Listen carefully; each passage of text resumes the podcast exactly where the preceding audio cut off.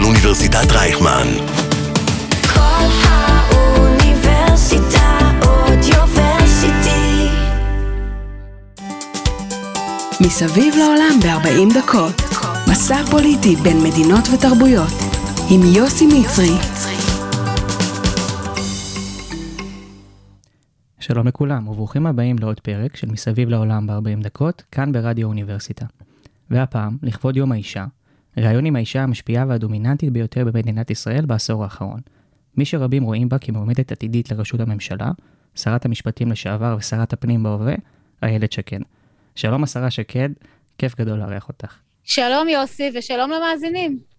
אז uh, השרה שקד, בשביל uh, ההתחלה, מאיפה בעצם התחלת? Uh, האם תמיד בער בך החיידק הפוליטי? Uh, מתי ידעת ב- על השלב שאת רוצה להשפיע על החברה ועל החיים בישראל? אז uh, תמיד הייתי כזאת פעילה חברתית. עוד בבית ספר היסודי הייתי במועצת תלמידים. דרך אגב, הייתי עם שלומי שבן במועצת תלמידים, שנינו למדנו באותה כיתה, ותמיד היינו הנציגים של הכיתה במועצת התלמידים. ואחר כך הייתי בצופים ומדריכה, ותמיד ככה מאוד מאוד פעילה חברתית. פוליטיקה ממש, אתה יודע, ממש להיכנס לפוליטיקה, זה קרה כזה רק אחרי הצבא. בצבא קצת זה עניין אותי. אבל כמובן שככלל התעניינתי בפוליטיקה, אבל זה לא שחשבתי בגיל מאוד מוקדם שתהיה לי קריירה בזה, אבל, העניין, אבל, אבל זה כן עניין אותי. ונדלג קצת קדימה, את באיזשהו שלב מסוים ייסדת את תנועת ישראל שלי, אה, ולאחר מכן החלטת שאת מצטרפת לפוליטיקה, למפלגת הבית היהודי, אה, יחד עם ראש הממשלה נפתלי בנט, אה, ובשלב מסוים אפילו עמדת בראש, בראש המפלגה. כאישה, כ, כדמות מעוררת הערצה, איך הרגשת באותה תקופה? מה, מה חשבת? האם בכלל היה לך איזשהו פחד מהובלת מפלגה שנתפסת כשמרנית יותר? לא, פחד לא היה לי, ואני רוצה להגיד לך שגם כאישה הייתי אה, למשך שנים אישה חילונית במפלגה דתית, וזה היה בעיניי אפילו טבעי, ולא מפחיד בכלל, ואני חושבת אה, שנשים באמת בפוליטיקה יכולות לעשות הכל.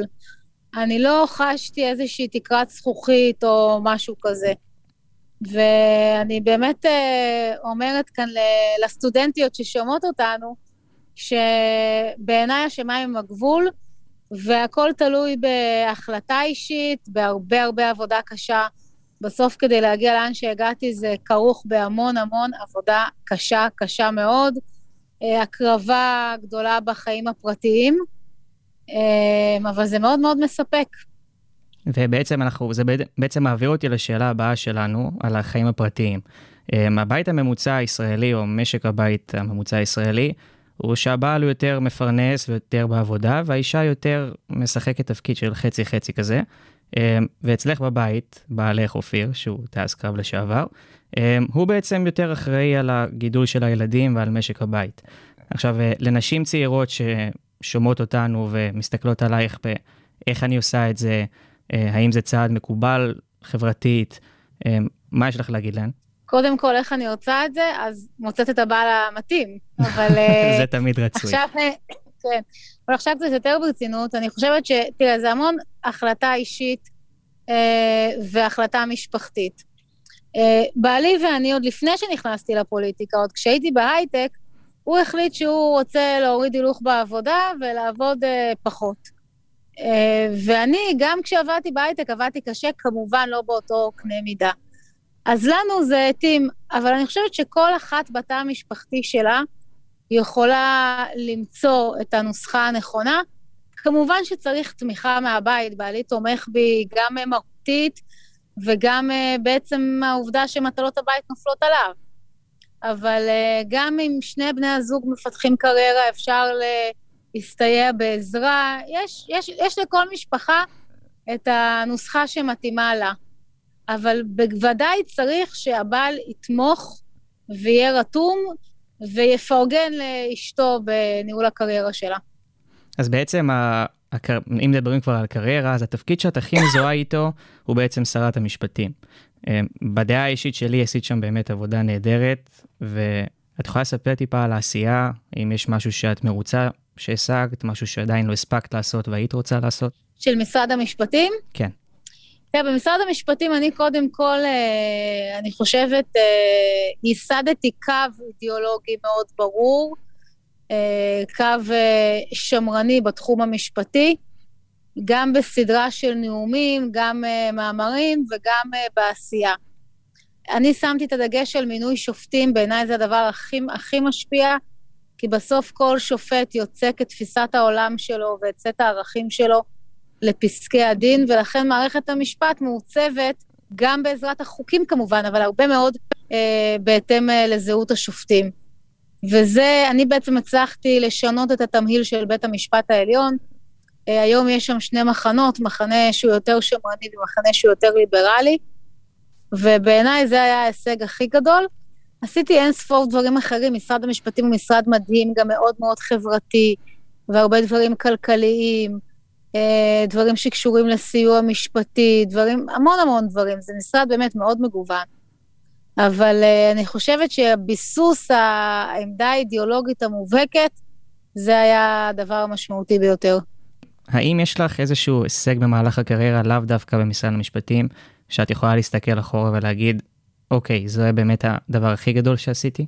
Um, יש כמה דברים גדולים, אבל uh, אתה יודע, גם השופטים, אני יכולה להגיד לך שאם אנחנו צופים עכשיו אה, פני העתיד, אז בשבועות הקרובים אני עומדת להעביר אה, החלטת ממשלה להקים שורה של יישובים חדשים בנגב, ובעיניי זה מאוד מאוד חשוב להמשיך את יישוב הנגב, דבר ש... אמ, שבאמת יש שם עוד מה שנקרא עוד הרבה עבודה לעשות. אמ, יש המון המון דברים משמעותיים שעשיתי במהלך הקריירה, אני גם טיפלתי בחוק הגיוס כחברת כנסת. כל חוקי הגיוס שרצים עכשיו, כולם בעצם מבוססים על חוק שאני עשיתי ב-2014. המערכת הציבורית היא מאוד מאוד מעניינת ומרתקת ומשפיעה, אה, ואני באמת ממליצה, המגזר הציבורי הוא מאוד מאוד, מר... הוא מאוד, מאוד מעניין, ממש מרתק, ומי שמוכן אה, להשקיע אה, מזמנו ובאמת להתמסר לקריירה כזו וגם לוותר על הכנסה מכניסה יותר במגזר הפרטי, אז אני ממליצה בחום. אז בעצם דיברנו על העבר, על ההישגים שהיו לך. אה, האם יש לך עוד מקום שאת רואה בו כיעד או שאת שואפת להגיע אליו? אה, האם בעוד כמה שנים אני אפנה אלייך כגברתי ראשת הממשלה במקום גברתי השרה? אני לא פוסלת שום דבר בעתיד. בפוליטיקה, עוד משהו שלמדתי, אז החיים הם מאוד מפתיעים. אה, אני כבר עברתי טלטלות לא מעטות בקריירה הפוליטית שלי, ומה שחשוב, אני חושבת, זה להאמין במה שאני עושה, ליישם את הערכים שאני מאמינה בהם, לעבוד לטובת המדינה שלי, לעבוד לטובת העם שלי, וכל עוד אני אמשיך לעשות טוב, אז אני אמשיך uh, ב, ב, בזירה הפוליטית. ובעיניי השמיים הם הגבול. האם יש לך עצות או טיפים לנשים צעירות שרוצות להיכנס לפוליטיקה ולהשפיע על החברה ואולי קצת נרתעות מהמערכת, או בעצם מפחדות לעשות את הצעד הראשון? כן, כמה דברים. קודם כל שהם ידעו שבאמת זה כרוך בהמון המון עבודה קשה. אני, תחילת הקריירה הפוליטית שלי, עבדתי בחברת הייטק, ובלילות הייתי הולכת מחוג בית אחד לשני כדי לפקוד אנשים למפלגה. וזה דורש הרבה השקעה והרבה הקרבה. דבר שני, צריך בחיים לדעת לנצל הזדמנויות. אה, היו לי כבר כמה צמתים בחיים שהתלבטתי וזה לא היה נוח, אבל אה, החלטתי לנצל את ההזדמנות ולקחת את אה, מה שמציעים לי בשתי ידיים.